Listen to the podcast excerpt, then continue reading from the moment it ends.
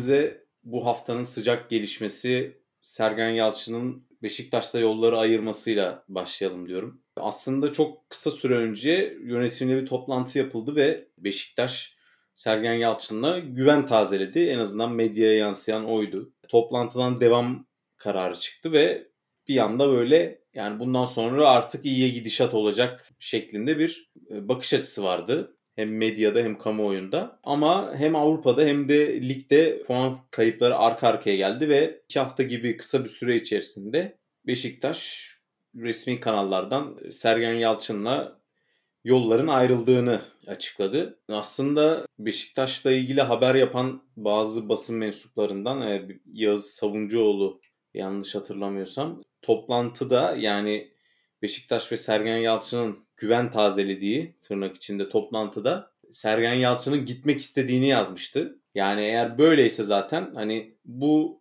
yani Solskjaer'ın mesela Manchester United'ın başında böyle bir ay falan daha durdu ya böyle hani daha fazla gitmez diyorduk. Böyle bir ay falan daha durdu ya. Herhalde öyle bir sadece ertelenmesi oldu yani. Malumun ertelenmesi gibi bir şey oldu. Sonuçta bir insan bir yerde mutlu değilse ya da gitmek istiyorsa yani Lionel Messi ile Ronaldo'yu transfer etseniz yine o takım tam potansiyeline ulaşamaz yani. Bu oyuncu için de geçerli. Menajer için de geçerli. Ve bu şekilde e, yollar ayrıldı. Kapanışı da çok iyi yapamadı Sergen Yalçın. Yani Şampiyonlar Ligi'ni sıfır çekerek Beşiktaş kariyerini en azından birinci dönemini yani bundan sonra da Beşiktaş'ın başına geçecektir muhtemelen. Belki birkaç yıl sonra. E, kötü bir şekilde tamamladı. Bu şekilde bir girizgah yapmış olalım. Sende nasıl bir düşünce uyandırdı? Yani o haberi okuduğun zaman. Bekliyor muydun? Sürpriz oldu mu? Neler düşündün? Sürpriz olmadı. Çünkü hani Sergen Yalçın açıklamalarına özellikle son dönemdeki açıklamalarına bakarsanız yani bir ayrılığın hep habercisi gibiydi. Kendi açıklamaları özellikle. Yani ben şöyle değerlendiriyorum. Hani benim için gitmesi hata e, çünkü şöyle hata. Yerine gelecek teknik adam kim olursa olsun, ister Guardiola olsun, ister Jurgen Klopp olsun, takımı bu noktadan alıp şampiyon yapmayacak yani. Dolayısıyla hani Türkiye'den neden bir Sir Alex Ferguson çıkmıyorsunun cevabı da budur aslında. Yani Sir Alex Ferguson'ın Manchester United kariyeri boyunca hiç kötü dönemi olmadı mı yani? Yani kitabını okursanız veya bakarsanız Alex Ferguson'ın United'daki geçmişine elbet kötü dönemleri vardır. Kitabında da anlatıyor. Hani dolayısıyla böyle bir ortamda yani Sergen Yalçın'ın gitmesi bana göre hata ama gitmesi bir açıdan da gerekiyordu. Yani şöyle gerekiyordu. Teknik direktörün görevi çözüm yolu bulmaktır. Böyle kötü gidişatlarda. Ama bir teknik adam çıkıp da çözüm bulamıyorum diyorsa yani orada bir sıkıntı var demektir yani. Yani böyle bir açıklama yapıyorsan eğer gitmeyi göze alıyorsun demektir veya gideceksindir yani. Böyle bir açıklama yapılmaz. E şöyle düşünüyorum yani Sergen Yalçın'ın kendini toparlaması lazım. Yıprandı özellikle Şampiyonlar Ligi'ndeki başarısızlık bence onu çok yıprattı. Dolayısıyla kendini toparlaması lazım. Belli bir sürede zaten takım çalıştırmayacaktır. Bence en azından hani kendi kafasını dinlendirene kadar. Ondan sonra zaten senin dediğin gibi de Beşiktaş'a bence tekrar gelecek ligimizden örnek vereceksek Fatih Terim Galatasaray'dan 4 defa gitti. Ama elbet bir gün kendi kulübüne geri döndü yani. Tabii Sergen Yalçın'ın da hataları oldu. Özellikle son dönemde daha fazla hata yaptı. Yani benim en çok gözüme çarpan Sergen Yalçın yeni nesil olarak tabir edebileceğimiz yani yaşı itibariyle hocalardan biri olsa da ya da antrenörlerden biri değişime çok açık gibi gelmedi bana. Yani çünkü taktiksel anlamda ben Beşiktaş'ta çok fazla değişiklik görmedim. B planı açısından biraz yetersiz kaldı Sergen Yalçın ama ya bence bu Beşiktaş'ın kötü gidişatının çok yüksek bir yüzde de sebeplerinden biri değildir diye düşünüyorum. Yani Sergen Yalçın'ın bu alternatif bir plan e, oluşturmaması bence ana sebeplerden biri değil. E, amiyane bir tabir var işte Türk futbolunda vefa sadece bir semt adıdır diye. Yani bir tane teknik direktör yani şampiyon yaptıktan sonra ilk tam sezonunda hiç hata yapmayan bir sezonda böyle kötü geçirme imkanı hiç mi yok yani? Neden böyle bir imkan verilmiyor? Hata yapma imkanı tanınmayan hiçbir ortamda insanlar gelişemez. Yani bu şirketler için de geçerlidir. Futbol takımları içerisinde de geçerlidir. Her yerde geçerlidir yani insan ilişkilerinde de geçerlidir. Çünkü insanlar hata yapa yapa gelişir yani.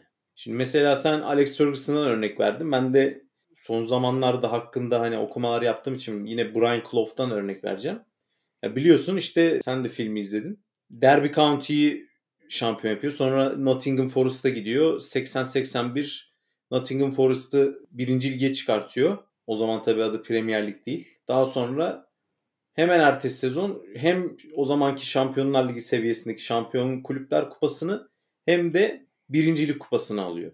Buradan sonra yani özellikle 82-83, 83-84 sezonlarından sonra yardımcısı Peter Taylor'dan ayrıldıktan sonra yani ilk 5'e girdiği sezonlar nadir Brian Clough'un. Ama Nottingham Forest kovmuyor yani onu. Çünkü zaten tarihinde yani çok nadir olan başarılardan birini elde etmiş. Yani tamam hani Beşiktaş şampiyonluklara böyle alışık olmayan bir takım değil. Ama bu tecrübede bir teknik direktör geliyor. İlk tam sezonda şampiyon yapıyor. Gerçekten böyle umut vaat ediyor takım. Bilmiyorum hani böyle tam tabir olarak bir çuval incilin berbat olması gibi geldi bana bu kovulma hadisesi.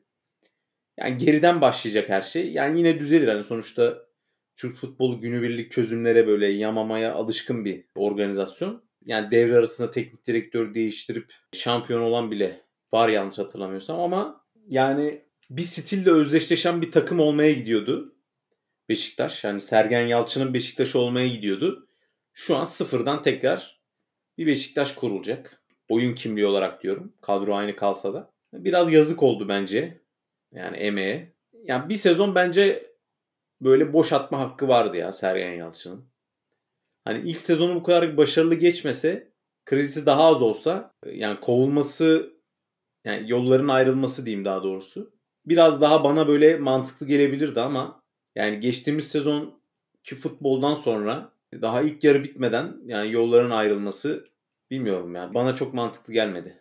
Ya mantıklı değil zaten ama hani biraz da hocanın o hani yapısı ve duruşu biraz da bence bu noktaya getir diyebilirim. Yani sonuç olarak yani ben çözüm yolu bulamıyorum dedikten sonra ki Sergen Yalçın da bence hani Türkiye'deki teknik direktörler arasında herhalde en açık sözlü teknik adam olabilir. Yani çıktı ve dedi ki yani ben çözüm yolu bulamıyorum dedi. Hani bu açıklama yaptıktan sonra ne yapabilirsiniz ki? Ya işte o sezonu boş geçirirsiniz. Boş geçirsin de sonuç olarak kendi teknik direktöründen bir bağlılık göremiyorsun ki. Yani adam zaten bıkmış artık ve yani Hı. bırakmak istiyorum diyor. Yani buraya gelmesi bile hani biraz bence yönetimin hocaya destek vermesi de oldu bence. Ama hani sonuçta ayrılık oldu. Ama hani dediğim gibi biraz da hocanın o psikolojik mental durumu bence buraya itti diyebilirim. Tabii ben bırakıyorum dedi, bırakmak istiyorum ya da ben çalışmaya devam etmek istemiyorum dedikten sonra artık geçmiş olsun da hani Sergen Yalçın oradan oraya nasıl geldi? Orayı da sorgulamak lazım. Orası da karanlık. Yani onunla ilgili çok fazla haber yok yani. Hani nasıl bu oraya geldi? Futbolcular bir anda böyle performansları dibe çakıldı. Hani tabii ki sakatlıkların da etkisi var ama nerede geçtiğimiz sezonki Gezzal, nerede bu sezonki Gezzal ya da Rozier için de aynı şey geçerli. En iyi işleyen kanat şu anda örümcek ağları örülmüş yani. yani bu kadar böyle 180 derece fark olması yani sorgulanmalı hani. Çünkü oyuncuları da işaret etti. Yani Sergen Yalçın bence üstü kapalı. Yani oyuncularla Sergen Yalçın arasında da bir soğukluk var muhtemelen. Şimdi kadro da genişledi. Yani böyle hepsiyle konuşmak da zorlandı. Sonuçta şey gibi düşün mesela bir okulda bir sınıf 15 kişilik, bir sınıf 35 kişilik. Hani sonuçta kişi başı harcayacağı zaman hocanın azalıyor ister istemez. Kadro genişleyince böyle bir durumda olmuş olabilir. İyi özetledin. Ben de hani Sergen Yalçın neler yaptı diye kısa bir özet geçeyim istatistiksel olarak. Hani Sergen Yalçın ilk maçına çıktığı Şubat 2020'den bu yana e, Beşiktaş'ın Süper Lig'deki istatistikleri attığı 141 gol var birinci sırada. 25 gole kapamayla yine birinci sırada. Toplu oynamada %60.1 ile birinci sırada. %84.9'la pas isabetiyle gene birinci sırada. 1843 rakip cihaz topla buluşma birinci sırada. Organize atak 201 kez birinci sırada. 10 üzeri pas dizisi 903 kez gene birinci sırada. Bu da hani Sergen Yalçın'ın tabii ki de son dönemi hariç gözle görünen bir başarısı vardı. Bu da istatistiksel olarak kanıtıdır diyebilirim buradaki istatistikler. Ama işte devamı gelmedi maalesef. Evet herhalde yeni adayda muhtemelen yabancı olacak gibi. Yani yurt dışından hocalarla görüşülüyor deniyor. Benim yabancı basından takip ettiğim kadarıyla Farke reddetmiş Beşiktaş'ı. Çünkü devre arasında takım çalıştırmak çok doğru bir zaman gibi gelmemiş ona. Yani Farke gelse de bence biraz zorlanırdı Beşiktaş'ta. Çünkü Norwich'te mesela kadro Farke'ye göre kuruldu. Beşiktaş'ın da öyle bir şey yapması lazım ki bu ekonomiyle imkansız. Ya yani bence hem Beşiktaş hem de Farke için iyi oldu. Yani evet Türkiye'deki kaosa alışması biraz zor olabilirdi Farke'nin. Yani onun dışında Slaven Bilic ismi geçiyor. Ama galiba yaklaşık 3-3,5 milyona yakın bir para istemiş yıllık. Yani bu kurda bir teknik direktöre o kadar parayı vermesi Beşiktaş'ın zor. Neredeyse imkansız. Yani onun dışında Edin Terzic ismi ön plandaydı ama Borussia Dortmund'un Edin Terzic ile planları var ve Edin Terzic de reddetti. Bu arada Edin Terzic de Slaven Bilic'in Beşiktaş'taki yardımcısıydı. Şu an Dortmund'da yardımcı antrenörlük görevini yapıyor. Ama hani şunu söyleyebilirim. Gelecek isim hani kim olur şu anda bilemiyoruz tabii ama Şenol Güneş gibi bir hataya lütfen kapılmasın ya Beşiktaş. Yani çok daha kötü şeyler olur. Onu buradan söylemek lazım bence. Yani sonuçta tırnak içinde ligi bilen bir hoca Şenol Güneş. Yine Beşiktaş'ı şampiyon yaptığı gibi yapabilir ama hani artık ya kimlik değişmesi gerekiyor. Yani sürekli aynı hocalar, aynı hocalar, aynı hocalar. Ben de açıkçası hep aynı teknik direktörleri görmek istemem yani. Peki yani bugün basına düştü. Okan Burak'a ne diyorsun? Ya Okan Buruk'un daha önce de biraz bahsetmiştik. Yani ailevi problemlerden dolayı bir süredir takım çalıştırmıyordu. Yani daha önce büyük bir takım da hiç çalıştırmadı. Görmek lazım hani camia olarak büyük bir takım çalıştırmadı. Hani Başakşehir'i çalıştırdı ama kadrosu büyük bir takım çalıştırdı. Evet ama camiası büyük bir takım çalıştırmadı. Ee, daha önce Beşiktaş'ta da oynadı Okan Buruk. Yani olabilir. Açıkçası kestirmek zor. Hani nasıl dönecek? Çok uzun süredir uzakta. Yani futbol dünyasından. Belki de bu süreyi hani yeni bir futbol felsefesi edinerek de geçirdi hani boş zamanlarında. Belki de bambaşka bir Okan Buruk olacak ama ben Okan Buruk şey de olabilir. Yani şimdi okumuşsundur. Hull City'yi e, Acun Ilıcalı alıyor galiba. Yani gerçekleşmek üzere diyebiliyorum. Oraya da gidebilir yani çünkü yabancı dil de var. Hani Emre Belözoğlu veya ki Emre Belözoğlu bu kadar iyi giderken Başakşehir'in onu göndermesi biraz zor. Yani Okan Buruk veya Emre Belözoğlu sanki böyle Hull City'nin başına geçecek gibi duruyor. Sadece benim hissiyat yani. Peki hani yerli yerli teknik direktörlerden kimi yakıştırıyorsun Beşiktaş'ın başına?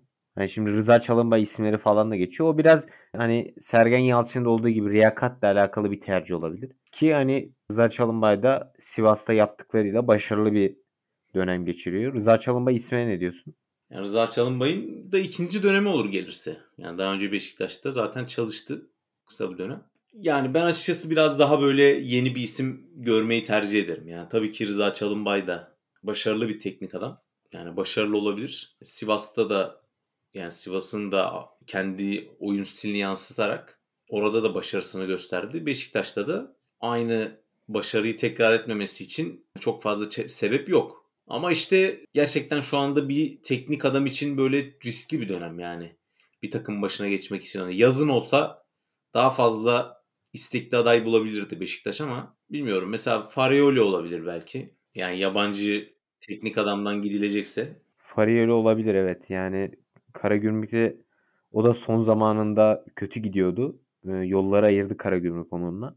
Yani ama hani onda da şöyle bir dezavantaj var. Hani hiç büyük takım çalıştırmadığı için ki zaten yeni başladı. Yani teknik direktörlük kariyeri de daha çok yeni. O yüzden hani sonuç olarak küçük takımlarda yaptıklarınla büyük takımlarda yapamadıklarını anlanırsınız. Dolayısıyla hani büyük takımda nasıl bir reaksiyon gösterir orayı kestirmek zor Farioli. Evet. Ama Farioli'nin en azından kendini geliştirdiğini sürekli yani yani eğitimci bir hoca mesela kendi yazdığı kitap var. Yani futbol taktikleriyle alakalı kitapları var. Özellikle oyuncuların fiziksel gelişimiyle de çok ilgilenmeyi sevdiği biliniyor. Yani atletik performans koçlarıyla da çalışıyor. Bu konuda çok titiz bir hoca. Ben açıkçası yani metodolojisini Beşiktaş'a nasıl uyguladığını görmek isterim Farioli'nin. Diyelim ve e, buradan da farklı bir teknik direktöre geçelim. Bir süredir Avrupa futbolu ve İngiltere futbolunda konuşulan konuların başında geliyordu. Manchester United'ın yeni hocasının kim olacağı. Ve açıklanan isim Ralf Rangnick oldu. Aslında hani bu açıklamanın çok daha önceden yapılması gerekiyordu. Fakat çalışma izniyle ilgili bir takım sıkıntılardan dolayı açıklama biraz geç yapıldı. Ralf Rangnick Manchester United'ın başına getirmek neyi ifade ediyor biraz ona bakmak lazım ilk önce. United için önemli bir adım. Çünkü Sir Alex Ferguson sonrası var olmayan bir şey getiriyorlar takımın başına. Bir futbol aklı geliyor. Takımın başına ilk başta sadece teknik direktörlüğü teklif ediyorlar.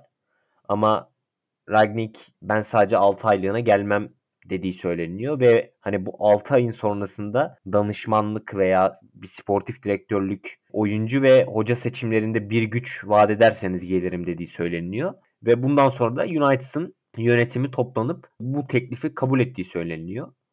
Ee, önce 6 aylık hocalık sonrasında belki kendi devam eder ama ben zannetmiyorum.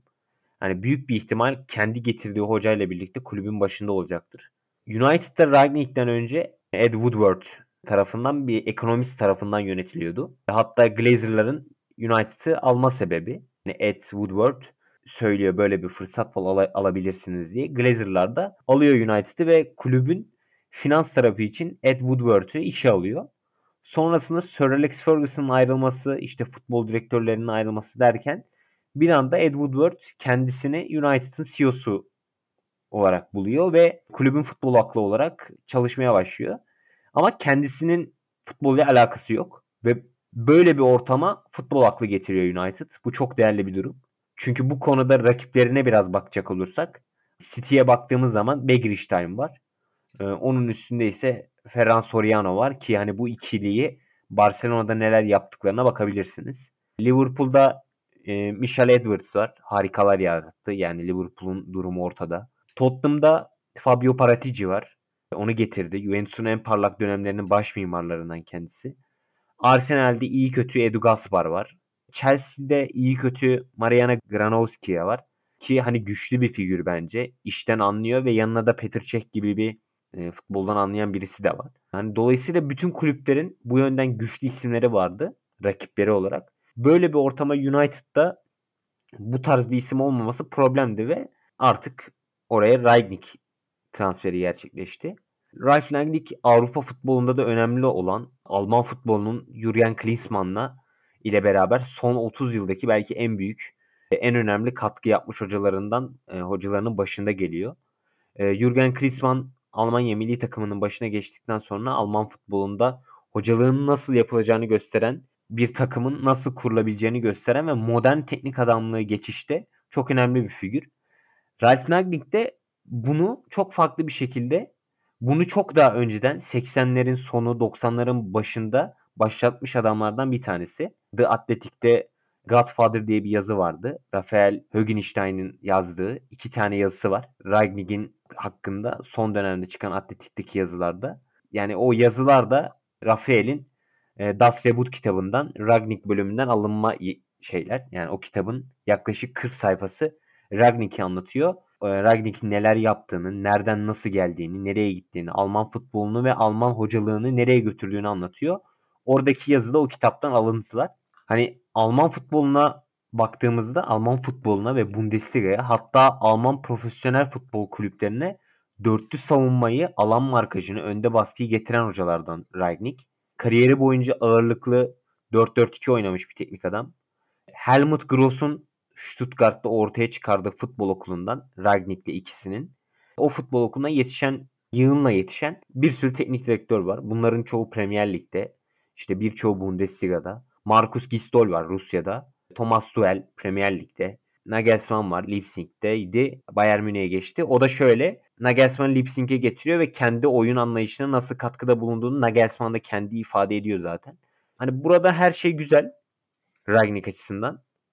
Ama onun oyun anlayışına ne kadar uygun United hani hocanın kısa vadede yaşayacağı problemler var. İlk problemi de bu zaten. Hani United'ın onun oyun anlayışına ne kadar uyum sağlayacağı. İkinci problem ki bir de ikinci problem olarak da bence hani büyük problem bu. Ragni'ye karşı yığınla övgü yapabiliriz. Ama işin sonunda şu konuya geliyoruz. Yani kariyerinin sonlarına gelmiş veya gelmekte olan bir hoca ama kariyerinde United benzeri bir takım yok. Hani anlattığım şeyler olmasa burada olur muydu? Orası bile şüpheli. Ama şu anda baktığımızda büyük takım yönetimi olarak elde var sıfır. Böyle bir şey deneyimlemedi hiç. Kendi ülkesinin dışına da neredeyse hiç çıkmadı yani. Salzburg var. Bir de Lokomotiv Moskova var son dönemde. Bence Ragnik'in bir eksisi de şu. Çok katı bir teknik adam. Yani öğrencisi Tuhel'e baktığımızda çok esnek Tuhel. Mesela Ragnik ben 4-4-2 dışında bir şey oynatmam diyor. Aynı 4-4-2, dörtlü savunma, iki orta saha, iki tane yarım orta saha, yarım kenar oyuncusu. Çift santrafor. Bunun dışına hiç neredeyse çıkmamış. Bir Hoffenheim'ı çalıştırdığı bir dönemde bir buçuk sene civarı 4-3-3 oynatıyor. Onun dışında yok. Ama Tuhel'e bakıyoruz. 3-4-3, 3-5-2, 4-3-3, 4-4-2 bunların hepsini yapmış. Hatta 4 maç üst üste farklı sistemlerle çıkmış bir teknik adam Tuchel. Ki zaten hani 3 maça çıktı takımın başında. 4-2-2 2 oynatıyor şu anda. Çok benzer bir yapı.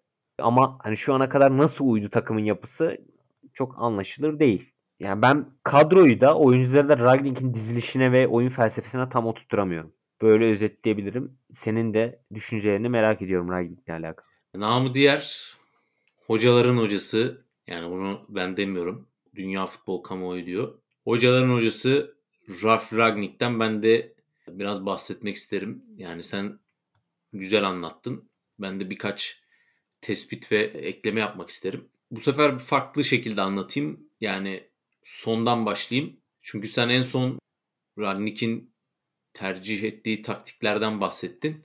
Ee, ben de onlardan bahsetsem yani o şekilde başlasam daha güzel olacak gibi. En çok kullandığı taktik 4-2-2-2 çok doğru. Ama ben hani evet Tuhel kadar esnek değil belki ama yani böyle çok böyle Bielsa kadar da mesela katı olduğunu düşünmüyorum. Çünkü önümde Leipzig'teki kariyerinde kullandığı formasyonlar var. Bakıyorum şimdi. 2015-2016 ve 2018-2019 sezonunda zaten iki dönem çalıştı. O iki sezonda mesela 30 maç 4-2-2-2 ile oynamış. 23 maçta 4-2-3-1 ile oynamış. 13 maçta 4-4-2 baklava 4-4-2 dediğimiz 4-4-2 ile oynamış. 10 maç 3-5-2 ile oynamış. 7 maçta 4-5-1 ile oynamış. Yani aslında çok katı diyemeyiz buna baktığımızda ama tabii ki dominant olarak 4-2-2-2'yi tercih ediyor. Manchester United ve bu formasyon uyar mı? Yani bazı yerlerde uyuyor, bazı yerlerde uymuyor bana göre. İlk maçına Crystal Palace maçıyla çıktı Ralf Ragnik. Orada yani böyle hani ucu ucuna diyebileceğimiz bir galibiyet aldı ve o galibiyeti aslında bu haftaki Norwich maçında da tekrarladı yani. Hani ondan önce Michael Carrick vardı takımın başında. Arsenal'ı en son 3-2 yendi ve adeta namalup belki de Manchester United tarihindeki tek teknik direktör olarak Manchester United'a veda etti Michael Carrick. Yani Chelsea'ye yenilmedi. Arsenal'i de yendi yani. Bence Michael Carrick özel bir yere geçti bu anlamda. Manchester United'da ben yani hani iki maç takip ettim ve e, Ralf Rangnick'in neler gördüm. Biraz onlardan bahsedeyim. Ya yani bir kere Ralf Rangnick zaten antrenör seminerlerinde de sıkla vurguladığı bir menajerin bir futbol stili olması lazım diyor ve kendi stilinde gerçekten Manchester United'da ben ilk maçtan yansıtmaya başladığını gördüm. Yani Manchester United daha böyle hani e, amiyane bir tabirle izlemesi tatlı bir takım olmaya başladı. Önceden hep böyle daha reaktif, daha böyle sabırlı oynayan, zaman zaman özellikle büyük maçlarda Solskjaer'in masterclass sergilediği, pragmatik oyunlar gördüğümüz ama yine Ralf Rangnick'in tabiriyle yani bunu Klopp'un futbol stilini tabir ederken kullanıyor seminerinde. Heavy metal tarzda böyle takım yani heavy metal müziği tarzda böyle takımlar seviyor diyor Jurgen Klopp. Bence kendisini de tarif ediyor bu konuda. Yani çünkü çok koşan. Bir kere koşu istatistiklerinde zirveye oynamak ister. Ralf Rangnick takımları. Dikine paslarda zirveyi oynamak ister. Ve bunu ilk maçtan itibaren Manchester United'da gördük yani. Hani özellikle merkezden yani dikine gitmek isteyen bir takım ortaya çıkardı. Çok fazla yani personel bakımından kadroda bir değişiklik yapmadı. Yani Luke Shaw zaten sakat. Ama Luke Shaw'la alakalı zaten daha önceki yıllarda bir eleştirisi var. Yani Manchester United seviyesinde mi tartışılır gibisinden bir, bir röportajı var Rangnick'in. E, onun yerine Alex Telles oynuyor. İyi de oynuyor bence. Yani sonuçta iki bekinin de hücumcu olmasını istiyor. Ralf Rangnick. 4-2-2-2'de. Dolayısıyla burada biraz Van Bissaka'ya da yedek kulübesinin yolu göründü gibi duruyor. Yani ne kadar sakatlık dönüşü tabii ki formunu alması e, biraz zaman alacak. Yani ilk 11'e tabii ki dönebilir ama ben biraz daha Diego Dalot'a baktığını düşünüyorum yani bu tarz oyun stilinin. Dolayısıyla Alex Telles ve Diego Dalot'u bek pozisyonlarında daha fazla görebiliriz Rangnick döneminde. Onun dışında Jadon Sancho'yu zaten Bundesliga'dan tanıyor ve hani onu da tercih etmesi ilk 11'de çok sürpriz olmadı. Ama bence beklediği verimi de alamıyor Sancho'dan. Her ne kadar yani Solskjaer dönemine göre daha etkili oynasa da bence Ralf Rangnick ondan daha fazla şey bekliyor ki biz de öyle yani hani futbol severler de öyle. Temponun yoğunlaştığını görüyoruz ve özellikle Solskjaer döneminde göze batan ve özellikle hani taraftarların eleştirdiği Fred ki Fred'in en büyük özelliklerinden bir tanesi tam bir pres makinesi olması ve adeta piyango vurdu yani Fred'in ve zaten Palace maçında attığı müthiş golle de e, bu piyangoyu adeta böyle ilan etti herkese. Yani şu anda Harry Kane'den fazla golü var Fred'in.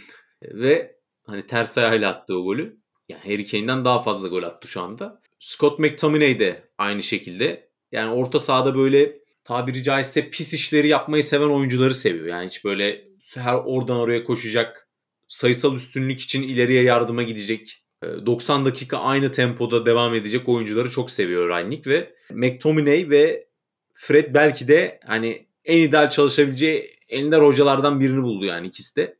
Çünkü teknik ve kabiliyet bakımından Manchester United'a çok büyük kısıtlar getiren bir ikili ikisi ve alternatifleri yok maalesef. Yani Matic dışında. Matic de ağır bir oyuncu. Yani bir Kante ayarında veya Jorginho ayarında bir orta sahası yok Manchester United'ın ekonomik büyüklük olarak aynı büyüklükte olmasına rağmen orta sahasında yani merkezde A sınıf diyebileceğimiz oyuncusu yok maalesef Manchester United'ın. Ama ben açıkçası orta sahada Rangnick döneminin e, olumlu etkileyeceğini düşünüyorum. Tabii bir de Ronaldo meselesi var. Rangnick'e baktığımızda hep genç kadrolarla çalıştığını görüyoruz. Bu anlamda hani ilk başta o pres oyununa Ronaldo'nun uymadığını görsek de Rangnick'in ilk e, söylediği şeylerden biri takımı Ronaldo üzerine kuracağım minvalinde bir şeyler söyledi. Ve Ronaldo da zaten aynı şekilde buna cevap verdi yani. E, Ronaldo'yu da olumlu şekilde etkilediği görülüyor. Hep kritik anlarda gol atmayı başarıyor. E, bu Rangnick döneminde de değişmedi. Ronaldo'nun yanında da Rashford'ı görüyoruz. Yani Rashford da zaten pres yapmayı seven bir forvet. Hatalardan faydalanmayı seven bir forvet ve atletizmi çok yüksek bir forvet bence Varane'de gelince yani ilk 4 sıraya oynayabilecek bir takım olma yolunda ilerliyor diye düşünüyorum ben Rangnick'le alakalı. Tabii dediğin gibi daha önce kariyerinde e, büyük bir takım çalıştırmadığı için yani bir şeyin eğitimcisi olmakla yani şimdi mesela finans konularında e, üniversitelerde çok başarılı hocalar vardır. Profesör. Şimdi düz mantıklı şunu düşünürsün. Ya Mesela finans konularını o kadar iyi öğretiyorsa master seviyesinde neden milyoner değil mesela? İşte bu çok yanlış bir bakış açısı. Yani bir şeyi öğretmekle o şeyin pratik yani sahada uygulamak aynı şey değil. Yani bir tarafta kabiliyetli bir olan bir insanın diğer tarafta kabiliyetli olacak diye bir şey yok. Dolayısıyla Rangnick daha çok uygulayıcıdan ziyade eğitimci bir insan. Ve zaten hani Jurgen Klopp'un, Tuchel'in kendisiyle ilgili açıklamalarını okursanız veya dinlerseniz Rangnick'le alakalı daha iyi fikir sahibi olursunuz. Yani sen de saydın e, Hazenhütül'den e, Nagelsmann'a kadar hepsinin hiç kimse yani o gruptan ben Rangnick'ten etkilenmedim diyemez. Zaten demiyorlar da her fırsatta övüyorlar Rangnick'i. Manchester United ataklarının çok daha hızlı sonuçlandırılmaya çalıştığını da görüyoruz 3 maçtır. Hani 8-10 saniye içerisinde kaleye gitmeyi amaçlayan bir geçiş takımı kuruyor Ralf Rangnick gittiği takımlarda. Hatta Leipzig döneminde antrenman sahasına geri sayım saati bile kurmuş ve oyuncular bundan çok rahatsız olmuş. Yani sürekli böyle oynarken tık tık tık tık diye böyle bayağı psikolojik baskı yaratıyormuş üzerlerinde ama tabii ki bu baskı maçlarda yoğun bir tempoya dönüyor ve rakibi daha çok e, rahatsız ediyor. Onun dışında sevdiğim bir sözü var. Yani benim değil yani bence sadece bütün böyle Rangnick'i takip eden herkesin sevdiği bir söz. E, haber sitelerinde de çok fazla yayınlanmaya başladı bu sıralar. Pres futboluyla alakalı yani bu işte gegen pressing'in babası olarak tabir ediliyor zaten. Şunu söylüyor yani biraz baskı ya da birazcık pres diye bir şey yoktur. Baskı yapmak hamile olmaya benzer diyor. Yani biraz hamile olabilir misiniz? Hayır yani ya hamilesinizdir ya da değilsinizdir. Ya baskı futbol oynarsınız ya da oynamazsınız diyor. Ki bu tanımını tam böyle Solskjaer dönemindeki Manchester United olarak özetleyebiliriz. Özellikle preslerdeki böyle geç kalmalar. Böyle bölgesel işte bir oyuncu koşuyor. Sonra diğer oyuncusu 3 saat son, 3 saniye sonra koşmaya başlıyor. O gelene kadar hem yerinden yani hem pozisyonunu kaybetmiş oluyor baskıya giden futbolcu hem de baskıyı geç yapmaya başladığı için hiçbir anlamı kalmıyor. Rakip oradan çok rahat çıkıyor falan. Artık bunu daha az göreceğiz United maçlarında. Ve daha sonra da senin de dediğin gibi danışman görevinde yer alacak. Hani tam görev tabii ki kapsamı ne olacak onu bilmiyoruz. Daha çok böyle sportif direktör gibi mi yoksa böyle hani oyuncuları transfer ederken daha çok zaten genç oyuncuları uygun fiyata transfer edip çok para kazandırarak satmasıyla ünlü aynı zamanda Rangnick. Yani yönetici tarafı da var. Eğitmen tarafının yanında. Özellikle Red Bull takımlarının yani piyasa değeri o çalışmaya başladığı zaman 120 milyon euro ve o bıraktığı zaman görevi 1.2 milyar avroya çıkmış. Yani bunun tabii oyuncu değerlerini artırması ve büyük oyuncu satışlarının da payının olduğu aşikar. Yani Ralf Rangnick'in rehberliğiyle transfer edilmiş oyuncular. Ya sattıkları neredeyse bütün oyunculardan kar eden Red Bull takımları izledik yıllar boyu. Yani 2012'de ilk zaten şeyle e, futbol direktörlüğü göreviyle başlıyor Ralf Rangnick. Daha sonra menajerliğe geçiyor 2015 yılında. Ve gerçekten de bütün Red Bull takımlarında benzer böyle oyunların oynanmasını o sistemi ortaya çıkaran insan olarak kabul ediliyor. Yani hücum futbolu, dikine oyun, e, yoğun baskı, yüksek atletizm. Hani New York Red Bulls'tan tutun Red Bull Leipzig, Red Bull Salzburg hepsi yani hepsinde benzer böyle oyun DNA'larını görmek e, mümkün ki e, yine yardımcı antrenörlüğüne de yani sonuçta artık Carrick ayrıldı. O da herhalde kendi kariyerini artık yani menajer olarak devam etmek istiyor. Yardımcı olmak istemiyor.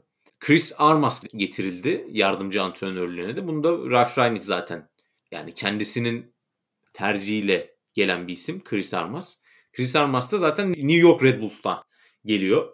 O da benzer böyle taktiksel felsefeyi paylaşıyor Ralf Rangnick'te. Onu da Kuzey Amerika ve e, Orta Amerika'da oynanan bir Şampiyonlar Ligi var. Orada da yarı finale çıkma başarısı göstermişliği var takımla. Ve e, onun döneminde de tıpkı New York Red Bulls Ralf Rangnick'in takımı gibi en direkt hücum eden MLS'te, en ileride pres yapan, en kısa sürede topu gezi, geri kazanan takım olmuş. Dolayısıyla bu Red Bull ideolojisi diyebileceğimiz bu felsefeye uyan bir hoca Chris Armas da. Topa sahipken çok hareketli bir takım. Yani durmadan inatla pres yapan, defans arkasına koşu atan, hızlı oyuncularını topla buluşturma yönelik böyle fırsat kollayan ve genç oyunculara ilk 11'de şans vermekte çekinmeyen tıpkı Ralf Rangnick gibi bir hoca Chris Armas'ta ve oyuncularla iletişiminin de her tür oyuncudan yani işte içine kapanık o sosyal oyuncu hepsiyle böyle çok rahat iletişim kuran ve onları tabiri caizse böyle şeytan tüyü olan bir hoca. Yani oyunculara böyle kendini çok sevdiren bir hoca. Onu da yardımcısı olarak getirdi. Yani bir sonraki sezon Rangnick danışmanlığa geçtiğinde Chris Armas devam eder mi? Onu daha tabii ki bilemiyoruz ama ben Chris Armas'ı da merak ediyorum ki günümüzde zaten yardımcı antrenörler daha fazla ön plana çıkmaya başladı. Özellikle Aston Villa'da şu anda Steven Gerrard var. Yanında da yardımcı antrenör Michael Bealey. Ki Gerrard'ın yani antrenmanlarda daha çok böyle kontrolü yardımcısına verdiği biliniyor. İşte Klopp'un yardımcısı Linders. Çünkü artık dünyanın hiçbir yerinde böyle bireysel başarı diye bir şey kalmadı. Her şey böyle kolektif yardımlaşmayla e, başarılıyor ve güçlü ekibi olanlar da kazanıyor. Yani podcast bölümünün başında Sergen Yalçın da güçlü bir ekiple ilk sezonunda şampiyon oldu. Ve bu evrensel bir kural yani. Ve ilk etapta Rangnick'in gerçekten de güçlü bir ekip kurduğunu söylemek çok yanlış olmaz. Ha mesela kendisinin hani Gegenpressing'in babası işte hocaların hocası deniyor ama kendisinde mesela etkilendiği böyle tırnak içinde baba isimler var. Mesela işte Milan'ın efsane hocası Arrigo Sacchi var. Ondan çok etkilendiğini söylüyor. Efsanevi Ukraynalı hoca Valeri Labanovski var. Yani Gegenpressing'in Gegenpressing yani Almanca e, şekilde böyle bir isim konmadan uygulandığı işte yer Dinamo Kiev. 80'lerin Dinamo Kiev'i. O zaman bir hazırlık maçı yapıyorlar ve çok etkileniyor Lobanovski'nin takımından. Daha sonra kendisi de bunu modern futbola uyarlıyor. Yani böyle zaten sıfırdan kurulan dünya üzerinde bir şey yok yani. Hep böyle bir şeylerden etkilenip onu daha iyiye çıkarma üzerine gitmiş hep. Bilimde de ilerleme bu şekilde gelmiş. Sanatta da ilerleme bu şekilde gelmiş. Sporda da çok farklı değil. Yani şu anda gidişat iyi gidecek gibi duruyor. Tabii sezon bittikten sonraki menajer tercihi çok önemli olacak Manchester United'ın ama şu anda kriz dönemini atlattığını ben söyleyebilirim.